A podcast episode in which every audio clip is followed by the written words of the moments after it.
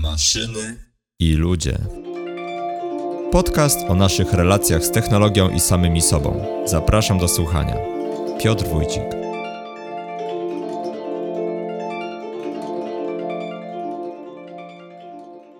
Witam Cię w ósmym odcinku podcastu. ChatGPT skończył niedawno roczek, a rok 2023 również zmierza ku końcowi. Dzisiaj moim gościem jest Maciej Biesek i poruszymy w naszej rozmowie kilka tematów, wokół których działo się bardzo dużo dyskusji w minionym roku w związku z czatem GPT i podobnymi do niego narzędziami. Będziemy się starali jakoś podsumować to, co według nas jest ważne, żeby wyciągnąć jako wnioski na przyszły rok. Zapraszam Cię do słuchania rozmowy z Maćkiem. Witaj Maćku w moim podcaście, bardzo miło Cię gościć. Dzień dobry, cześć. Na wstępie chciałbym, żebyś opowiedział e, troszkę o tym, czym się zajmujesz, w jaki sposób też e, sztucznej inteligencji dotykasz w swojej pracy. O tym temacie chciałbym dzisiaj z Tobą porozmawiać. Ja jestem data scientistem, można tak powiedzieć. Chociaż różnie jakby ludzie do tego podchodzą do tej terminologii. Niektórzy nazywają to a, inżynierem a, do spraw uczenia maszynowego czy cokolwiek.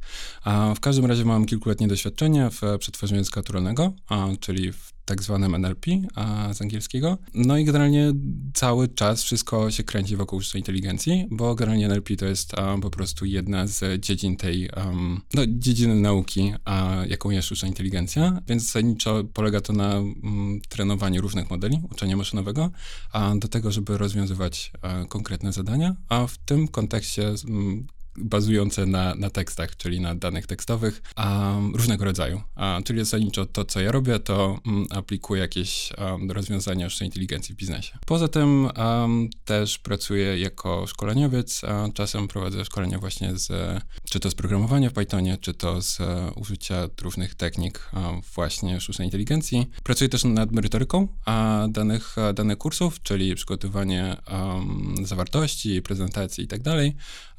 No i też czasem jako i różnego rodzaju konsultacje. Mm, w tym momencie też pracuję jako, jako mentor, gdzie mam swoich kursantów, gdzie jestem odpowiedzialny za ich rozwój. Właśnie wspomniałeś o modelach językowych i o tym, że zajmujesz się tym od, od kilku lat, a w tym roku generatywna sztuczna inteligencja jest na językach e, bardzo wielu osób. Ten rok zdecydowanie upłynął pod znakiem właśnie generatywnej sztucznej inteligencji. O tym, czym jest generatywna sztuczna inteligencja, opowiadał już w moim drugim odcinku podcastu Dominik Jałowiński. Tam bardziej skupialiśmy się na tym generowaniu obrazów, natomiast ty specjalizujesz się bardziej w generowaniu tekstów, tak, czy, czy, czy, czy języka. No i jakbyś mógł tak w skrócie jeszcze zdefiniować, bo pewnie wszyscy już trochę wiedzą, wiedzą, ale może to nie jest tak do końca jasne i klarowne dla każdego, czym ten chat GPT i podobne do niego narzędzia są.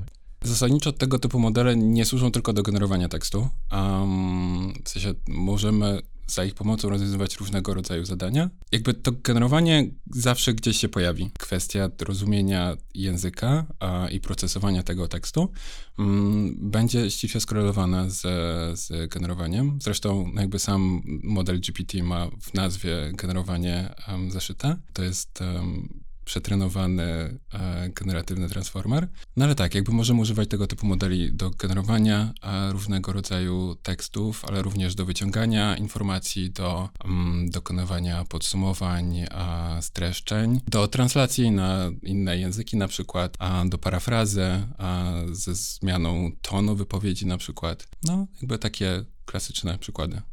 Mhm, do tego, do czego można użyć właśnie takich narzędzi typu ChatGPT jeszcze za chwilę w rozmowie wrócimy. A teraz chciałbym cię zapytać o taki temat związany z rozmawianiem ze sztuczną inteligencją, bo tak się często mówi, że właśnie można ze sztuczną inteligencją porozmawiać i to się w mm, takim języku potocznym, czy właściwie może specjalistycznym przyjęło nazywać promptowaniem. E, no i chciałbym, żebyś troszkę opowiedział o tym, czym jest prompt i z czego się taki prompt składa składa? W ogóle jak e, rozumieć prompt? Odnoszę wrażenie, że w ostatnim czasie też e, to słowo prompt jakby nabiera nowego znaczenia i też rozszerza się jego znaczenie, że to już nie jest tylko w kontekście e, właśnie narzędzi sztucznej inteligencji używane, tylko po prostu jako jakaś mała porcja informacji, która ma zachęcać do czegoś.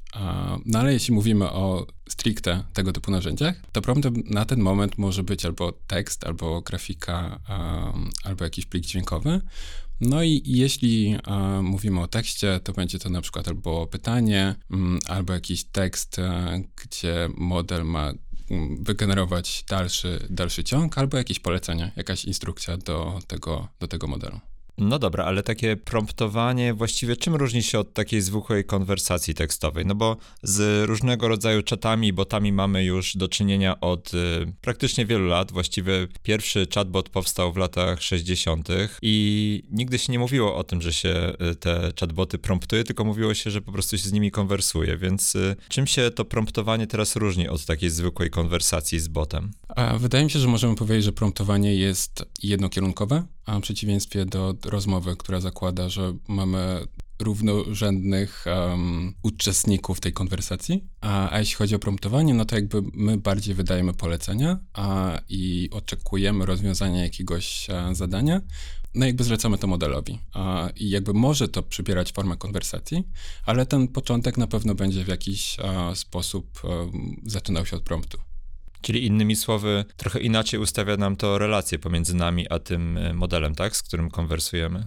Wydaje mi się, że tak, bo przychodzimy z jakimś konkretnym zadaniem, bo jakby konwersacja jakby nie ma od początku ustalonego celu, wydaje mi się z reguły, a, a jeśli chodzi o użycie tego typu narzędzi, a, no to raczej mamy już z tyłu głowy, że chcemy do czegoś konkretnego mm, je wykorzystać, a, typu, no nie wiem, chcemy napisać jakiś tekst, czy mamy jakiś tekst do parafrazowania, czy do wyciągnięcia jakichś informacji z niego przychodzi mi do głowy takie pytanie, dlaczego w ogóle musimy uczyć się tego promptowania? Wydawałoby się, że celem dużych modeli językowych i takich naturalnych konwersacji tekstowych z, z nimi jest to, żebyśmy właśnie nie musieli e, uczyć się tego, jak wydobyć z nich taki wynik, który nas interesuje. Więc właściwie dlaczego nie jest tak, że to przychodzi tak zupełnie naturalnie, że tak jak prosimy człowieka o to, żeby coś dla nas zrobił, tak czemu musimy się nauczyć, jak zrobić to w przypadku czata czy jakiegoś modelu językowego?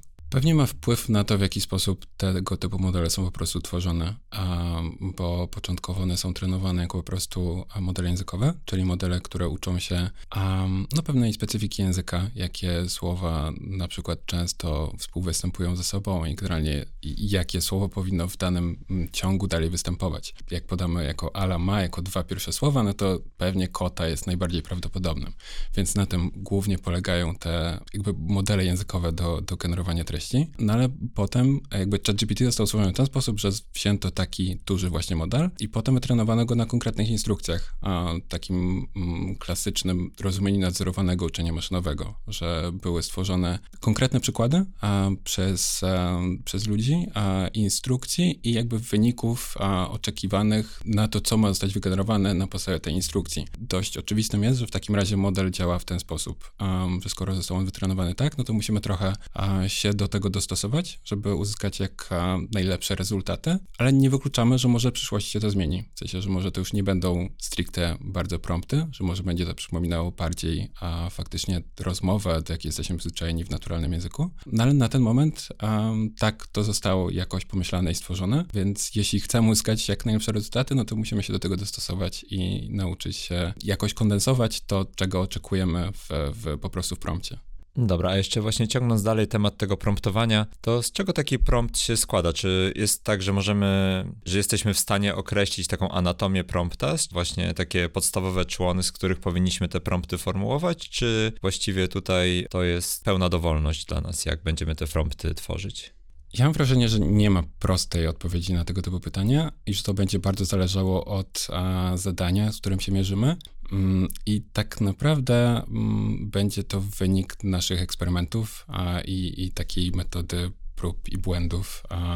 Bo generalnie jeśli chodzi o promptowanie, czy w ogóle jakby interakcje z dużymi modelami językowymi, no to ja bardziej się opieram na, na iteracji, a na tym, że to nie jest kwestia stworzenia zawsze jednego optymalnego prompta, który zwróci nam to, czego oczekujemy, tylko czasem musimy mm, w jakiś sposób odnieść się do tego, co już model nam wytworzył i, i być może jakoś zasugerować, że nie do końca nam o to chodziło, albo że kierunek był dobry, ale zależy nam na tym, żeby ta wiadomość była krótsza. A więc to nie jest do końca tak, że mm, zawsze jesteśmy w stanie stworzyć optymalną instrukcję, a, żeby nie mówić ciągle prompt, ale jakby są jakieś um, ogólne zasady. No, zasadniczo dobrą techniką a jest um, powiedzenie naszemu modelowi, a zasadniczo czego od niego oczekujemy i w jaką rolę chcemy, żeby się wcielił.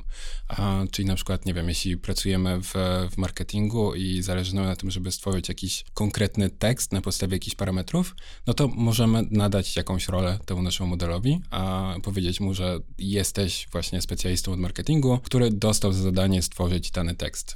I to może wpływać na to, co zostanie wygenerowane, bo już może w jakiś sposób go skierować na na przykład specjalistę specyficzne słownictwo, które używa się w danej dziedzinie. Ale to właśnie jest zawsze kwestia eksperymentów, bo musimy to porównać, jak to wyglądałoby, gdybyśmy nie nadali mu tej roli, bo z mojego doświadczenia jakby możemy oczekiwać różnych rezultatów, czy to zrobimy, czy nie i czasem będziemy bardziej zadowoleni z jednych, a czasem z drugich. Czasami warto podać a, konkretne przykłady, czego oczekujemy od naszego modelu, żeby zwrócił, a ta technika nazywa się few-shot learning, czyli jakby nie oczekujemy, że mm, nic nie wiedząc na dany temat, a zwróci nam jakąś odpowiedź, tylko pokazują mu, o co nam chodzi. Um, I tutaj jakby możemy też wskazać na konkretny format, w jakim ta odpowiedź ma zostać zwrócona. Czyli jakby podajemy, że na tego typu tekst, albo nie wiem, z tego typu parametrów chcemy, żeby został stworzony taki tekst o takiej, takiej treści. I model, widząc taki przykład, dostając od nas kolejne parametry, będzie wiedział, jak ma stworzyć daną wiadomość, tak żeby ona jak najbardziej odpowiadała um, naszym wymaganiom.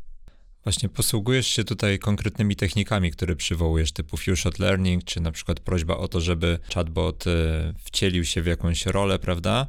Więc zastanawiam się, czy takiego promptowania, czy takiego mm, podawania instrukcji czatowi można się uczyć na własną rękę metodą prób i błędów, to pewnie będzie i tak dobre podejście, żeby eksperymentować na własną rękę i sprawdzać, jakie rezultaty dostajemy, bo tak jak ciebie słucham, wydaje mi się, że najlepszym nastawieniem, jaki można przyjąć, to jest takie próbowanie na różne sposoby dawania różnych instrukcji i sprawdzanie, jaki wynik dostanę, bo tak naprawdę nie ma sensu zakładać, że stworzę idealny prompt czy instrukcję, który da mi właśnie oczekiwany rezultat. To jest raczej właśnie takie ciągłe eksperymentowanie. Ale wiem też, że istnieją różne płatne kursy, czy czasami też w internecie pojawiają się takie mm, gotowe e-booki albo jakieś różne takie materiały, za które można zapłacić, które dają ci na przykład setki różnych gotowych promptów albo różne inne jakieś takie materiały szkoleniowe. Jest tego masa i pojawia się coraz więcej. E, jak ty do tego podchodzisz? Czy nauka na własną rękę jest y, wystarczająca, czy warto posługiwać się materiałami, a jeśli tak, to czy warto właśnie od razu wziąć jakiś większy kurs, jakiś kierunkowy, czy po prostu jakiś jakimiś małymi kroczkami tutaj przyswajać tę wiedzę.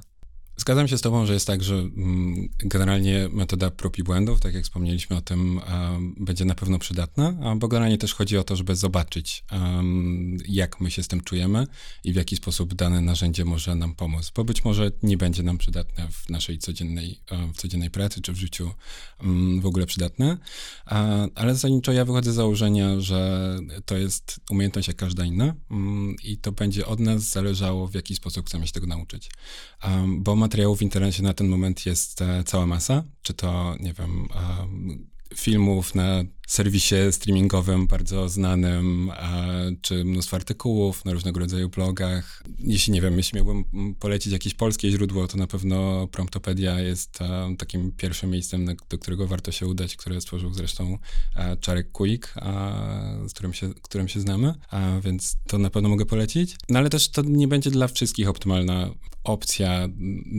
uczenia się, bo będzie od nas wymagało no też duże poszukiwanie na własną rękę, sprawdzenia właśnie, a zobaczenia, czy, czy ten materiał jest dla nas ok, jest dla nas zrozumiały, czy nie, czy będzie dla nas przydatny, czy nie. A różnego rodzaju kursy na pewno mają w jakiś sposób to ustrukturyzowane. A, czyli mamy to przeświadczenie, że jednak ktoś poświęcił uwagę na to, żeby przygotować jakiś program, a, żeby skompilować jakieś materiały, no i przygotować to w takiej formie, żeby, żeby było to użyteczne a, dla nas. No i jakby to ma też tę przewagę, że faktycznie jest a, tam doświadczona osoba, która wie, co się sprawdza, co się nie sprawdza w, danej, w danej dziedzinie, przy danym przykładzie. No i też jeśli to są kursy na przykład, które się faktycznie odbywają, a nie są jakimiś nagranymi wideo, no to wtedy możemy po prostu porozmawiać daną osobą, która ma doświadczenie i dopytać, co najlepiej byłoby użyć w naszym przypadku, w naszym przykładzie, jakiej techniki, jak zoptymalizować dany prompt. No ale właśnie, to jak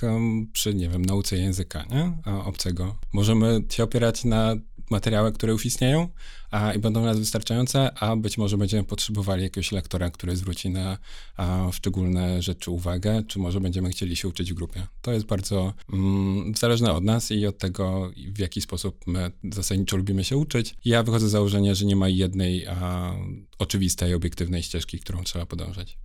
Mm, dobra, a zadam ci teraz może takie trochę kontrowersyjne pytanie. Czy uważasz, że każdy powinien zacząć uczyć się promptowania? Czy to jest tak, że w bliskiej lub dalekiej przyszłości bez tej umiejętności będziemy trochę e, z tyłu w stosunku do ludzi i no możemy z tego powodu ponosić jakieś konsekwencje?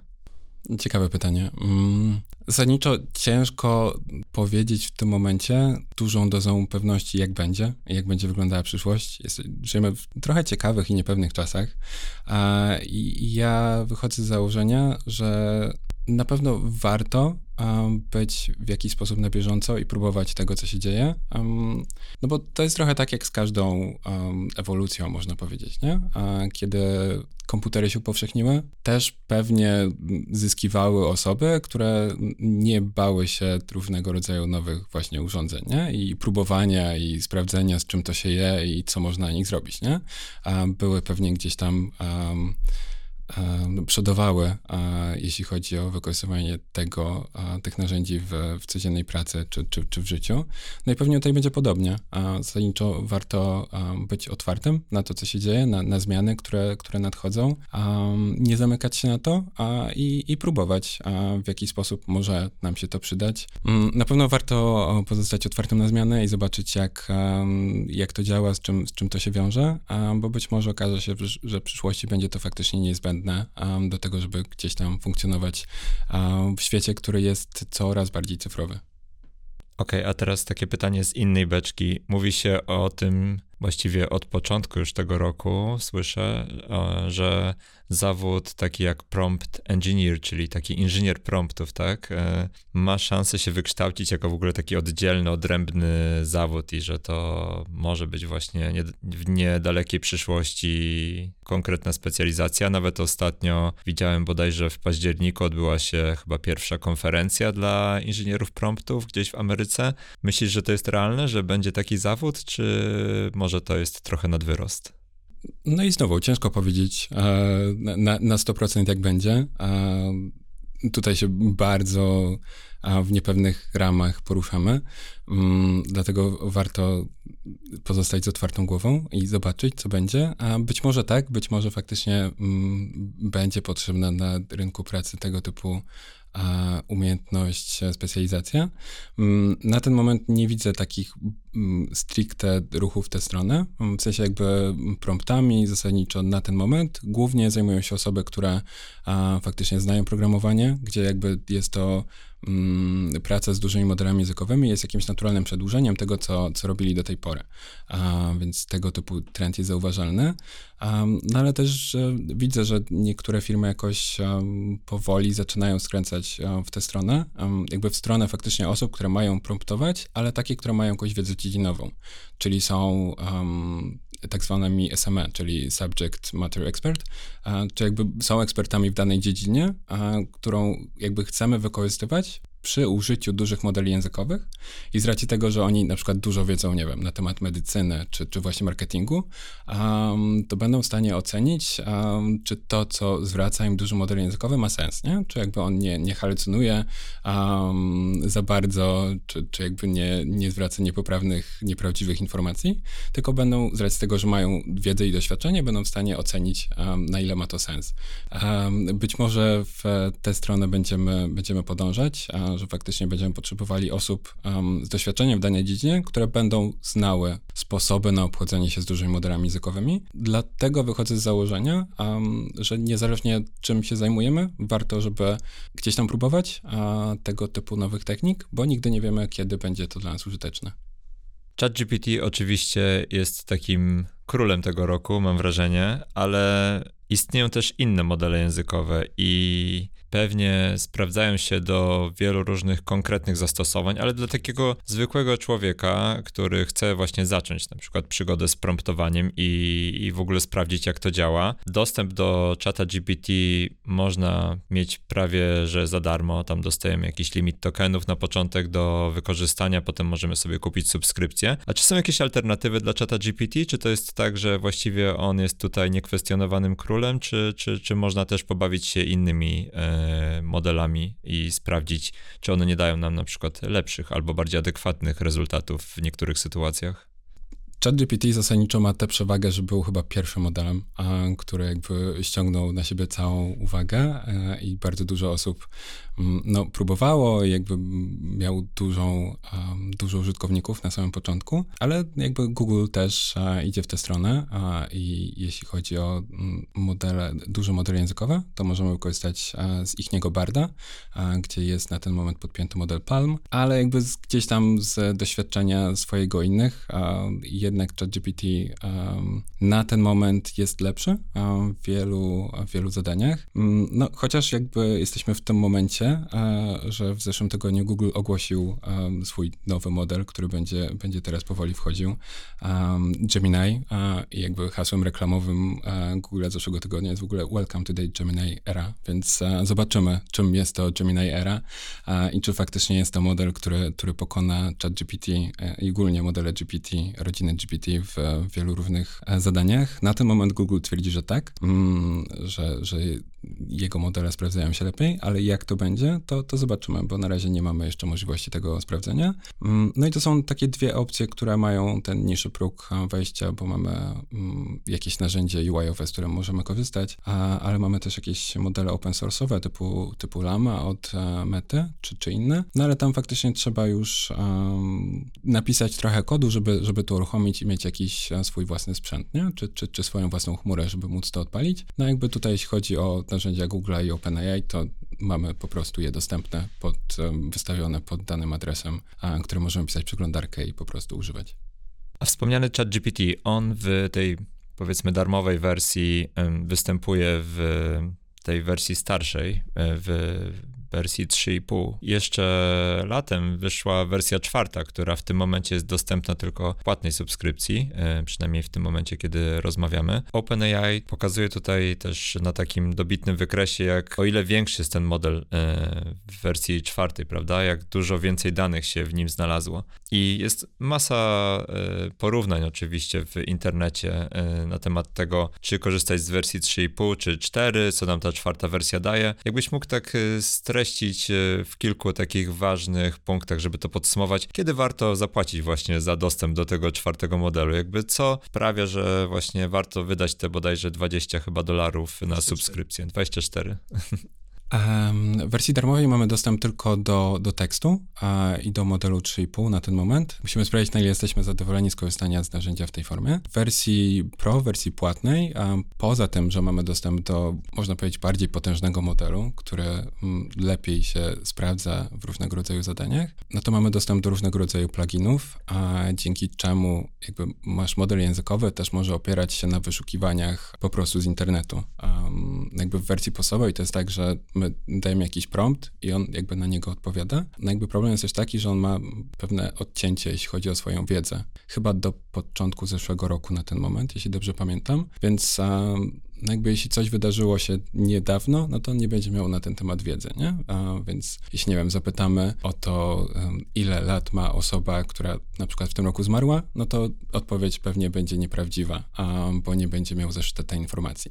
Na wersji Pro, jakby z racji tego, że może też wyszukiwać informacje, tak jak my to możemy robić, no to już dostanie te informacje, że ta osoba na przykład zmarła, więc będzie w stanie wziąć to pod uwagę, a generując swoją odpowiedź, nie? Że to już nie będzie halucynacja na temat tego, ile, ile ktoś ma lat, tylko zwróci nam informację, że a, nie można nam podać informacji, bo jakby ta osoba zmarła, więc jakby już nie, już nie liczymy, a, ile ma lat. Jakby to jest jeden, jeden z, z pluginów, ale jest też ich, a, ich więcej.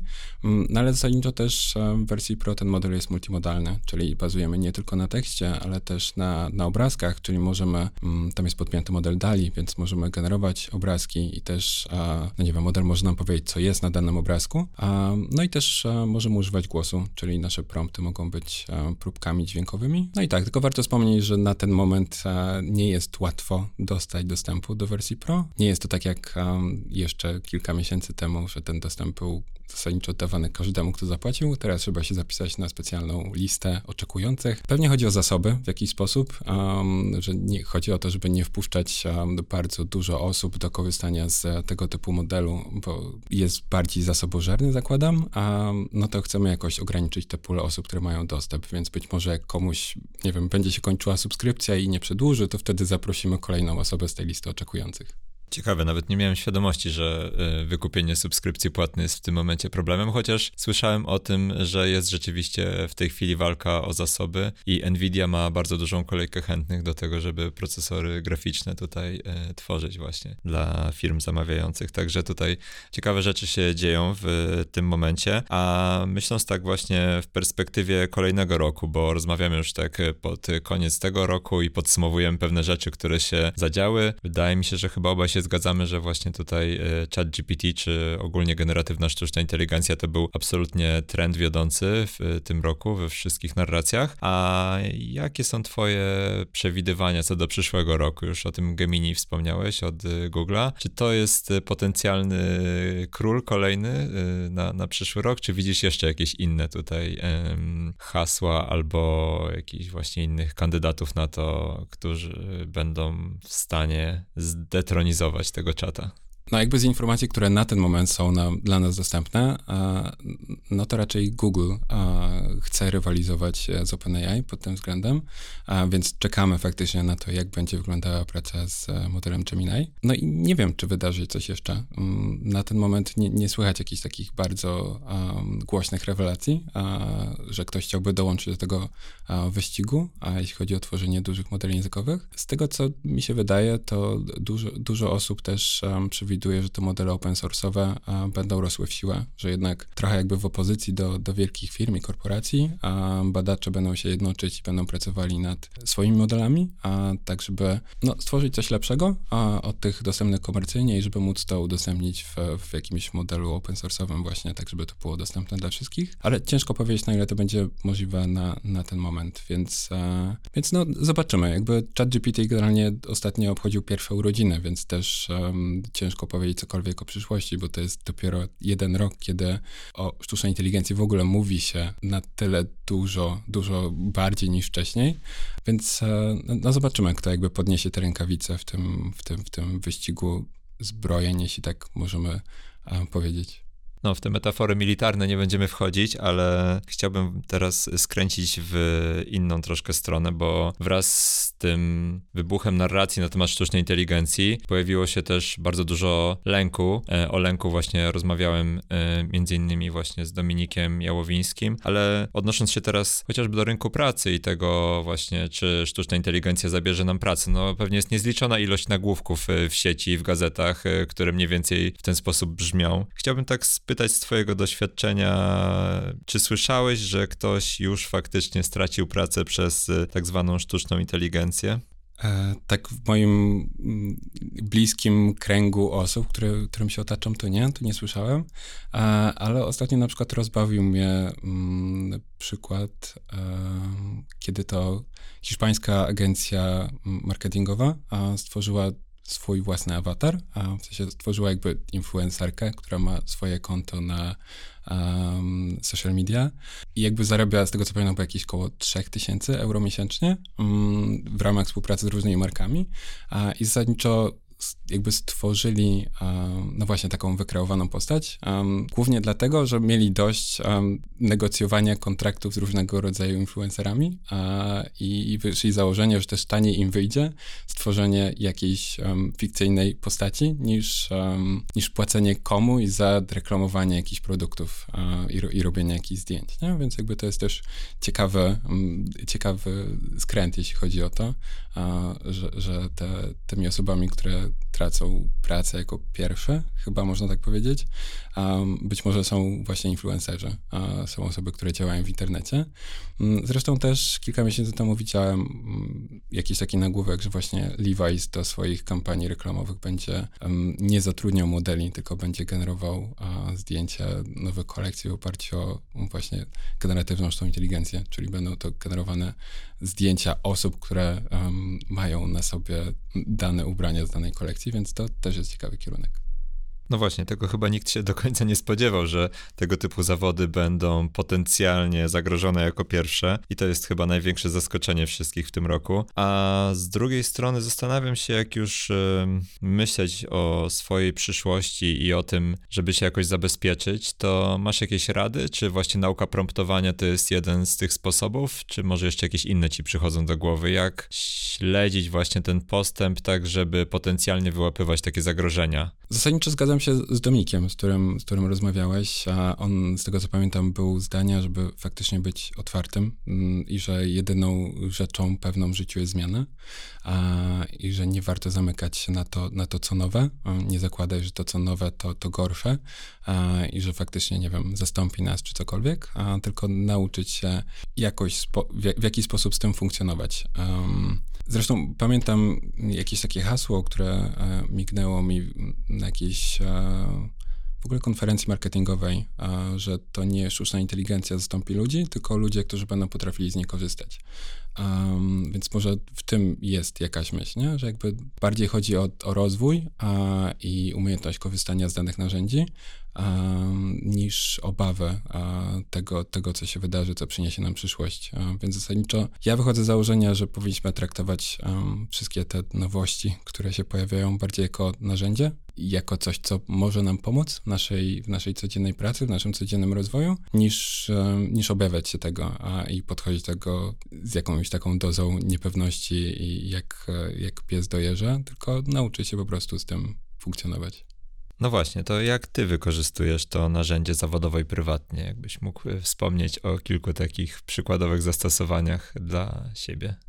Na przykład wykorzystywałem ChatGPT do generowania jakiegoś różnego rodzaju dokumentów, które były bardzo generyczne, typu były to referencje dla kogoś e, zespołu. W sensie to jest taki dokument, który ma jakąś określoną strukturę, gdzie muszą się pojawić jakieś określone frazy, więc zasadniczo jak um, powiemy modelowi o co nam chodzi, w sensie jakie, nie wiem, były obowiązki danej osoby, w czym była dobra, no to jakby będzie w stanie nam wygenerować taki, taki dokument, nie? który jakby jest jakąś formalnością, którą, która, która musi istnieć, ale no niekoniecznie chcemy poświęcać na to czas, żeby się zastanowić, jak um, sformułować nasze myśli, żeby, żeby ładnie brzmiały. No i jakby stworzenie czegoś takiego potrafi, gdybyśmy mieli sami to napisać, pewnie potrafi dość dużo naszego czasu pochłonąć, a korzystając z, czatu GPT chociażby, no to w kil kilka minut jesteśmy w stanie stworzyć taki dokument, który jakby możemy wysłać i, i, mieć problem z głowy i zająć się czymś innym, nie? Więc to jest jakby taka kwestia optymalizacji. Mm, ja też na bieżąco uczę się języka obcego hiszpańskiego, więc używam też do tego czata GPT, czy to do tłumaczenia z jednego języka na drugi, czy to do jakiegoś rodzaju asystenta językowego, typu, nie wiem, mówię mu, że jest jestem na danym poziomie i, i, chcę, żeby wygenerował mi jakiś tekst, który ja potem przetłumaczę i żeby sprawdził generalnie, czy było to dobrze, gdzie, gdzie popełniłem błędy. I, i, jakby do tego jest zdolny, więc jest w stanie wygenerować nam jakiś prosty tekst. On rozumie, co znaczy, że ktoś jest na danym poziomie, a według Rady Europy, tak, tam B2, C1, cokolwiek, a jest nam w stanie taki tekst wygenerować i potem jakby zrozumie to, co my mu dajemy jako przetłumaczony tekst i wskaże nam jakieś konkretne błędy. Więc to takie przykłady, jeśli, jeśli chodzi o moje, moje życie. Ale z tego co wiem, to na przykład moi, moi kursanci używają go do um, tłumaczenia jakichś fragmentów kodu. Na przykład nie rozumiem jakiejś funkcji w kodzie w Pythonie, a i wklejają je do czata i on po prostu im tłumaczy, co się dzieje po kolei jakby co ona robi, a jakie argumenty przyjmuje, jak wygląda ciało tej funkcji, co tam się po kolei sekwencyjnie dzieje, co zwraca, w jaki sposób można jej użyć i tak dalej. I mówią, że to im faktycznie pomaga w nauce programowania, nie? Bo jakby mm, nie muszą się nad tym zastanawiać sami, a patrząc na dany kod, co, co, co dana funkcja robi, tylko jakby ktoś um, no może nie ktoś w tym wypadku, tylko faktycznie model językowy tłumaczy im jakby, co się po kolei dzieje. No i też um, część z nich używa go do generowania kodu, ale tego akurat nie pochwalam i to jest akurat łatwo zauważyć, um, więc e, raczej im sugeruję, żeby sami tworzyli kod, szczególnie na etapie, kiedy są początkujący, bo w ten sposób też naj, najłatwiej się można nauczyć, wiedząc, co się dzieje, nie? że to nie jest jakby sztuka skopiować sobie jakieś rozwiązanie, czy to, nie wiem, z internetu, czy faktycznie stworzone przez tego typu model, tylko jakby sens jest w tym, żeby rozumieć, co się, co się działo i to nie musi być perfekcyjne, ale ważne, żebyśmy mm, jakby wiedzieli, co, jak działa a pod spodem i dlaczego wykorzysta wykorzystaliśmy daną metodę, a nie inną. Właśnie pojawiło się w Twojej wypowiedzi coś lub ktoś, i e, zastanawiam się, czy zdarza Ci się jakoś antropomorfizować tego czata, to znaczy myśleć, że rozmawiasz faktycznie tutaj z jakąś e, postacią, szczególnie jeśli na przykład prosisz go o wcielenie się w jakąś postać, e, czy raczej traktujesz go stricte narzędziowo, że myślisz sobie, że to jest program i właściwie on nie ma żadnych w sobie cech e, ludzkich, czy nie ma w sobie tej szumnie tutaj dyskutowanej świadomości. Jestem bardzo daleki od nadawania ludzkich cech um, tego typu narzędziom. I, I tak jak mówisz, bardziej traktuję faktycznie jako narzędzie, no bo zdaję sobie sprawę, że pod spodem jest to po prostu jakiś model matematyczny. trochę bardziej skomplikowany, z mm, wieloma milionami parametrów, no ale nadal jest to po prostu jakiś, jakiś koncept, który jest nauczony na terabajtach danych, więc jakby nie ma tam stricte inteligencji. No to też filozoficzne pytanie, czym jest inteligencja. No ale nie, nie, nie w żaden sposób nie, nie, nie uczłowieczam tego typu narzędzi i nie wyobrażam sobie, że gdzieś tam po drugiej stronie siedzi mały człowieczek. Chociaż jakby są um, badania, że bycie miłym popłaca, jeśli chodzi o, o promptowanie, ale to też może wynikać z tego, właśnie na jakich danych dany model był uczony, że być może ludzie tworząc dane dla modelu, robili to w jakiś określony sposób, nie? Um, że właśnie zakładali, że, um, że nie wiem, tak jakby wydawali polecenia um, faktycznej osobie, więc na tej podstawie dany model się nauczył. No i jakby są faktyczne badania, że bycie miłym popłaca, albo że wskazywanie, że dane zadanie jest dla nas istotne, mm, też może polepszać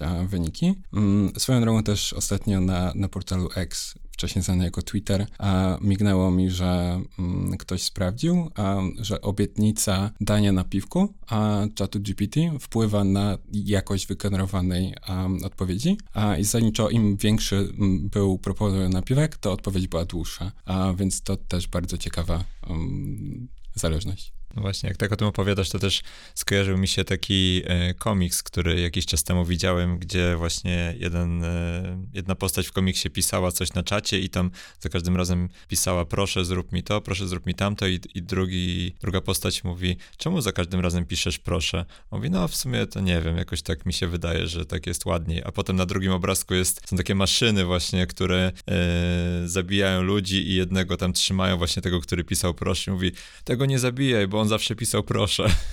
I właśnie a propos takich surrealistycznych obrazków, zapytam cię na koniec, bo już nam się niestety czas kończy. Czy ty personalnie boisz się tego tempa rozwoju technologii sztucznej inteligencji? Jakie tutaj masz w sobie e, emocje i odczucia związane z tym, jak szybko to postępuje?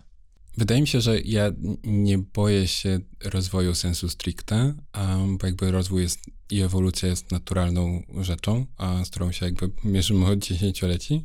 Czy to, nie wiem, jeśli chodzi o maszynę parową, komputery, a teraz też narzędzia sztucznej inteligencji faktycznie. Ja się bardziej boję ludzi a, i, i, tego, do czego mogą być zdolni, mając do dyspozycji tego typu narzędzia. A, więc bardziej chodzi o to i to, ile, nie wiem, fake newsów może zalać nagle, nagle internet, nie? Jakby byliśmy tego świadkami, jak um, nagle były generowane grafiki z aresztowanym Trumpem, czy, czy z papieżem Franciszkiem w kurce Balenciagi. Ciężko nam będzie momentami być może określić, co jest prawdą, a co jest fikcją. No to też jest bardzo mm, duży temat, że mając z tyłu głowę, jak działają tego typu narzędzia, mm, no musimy sobie zdawać sprawę, że nie wszystko, co widzimy, jest prawdą.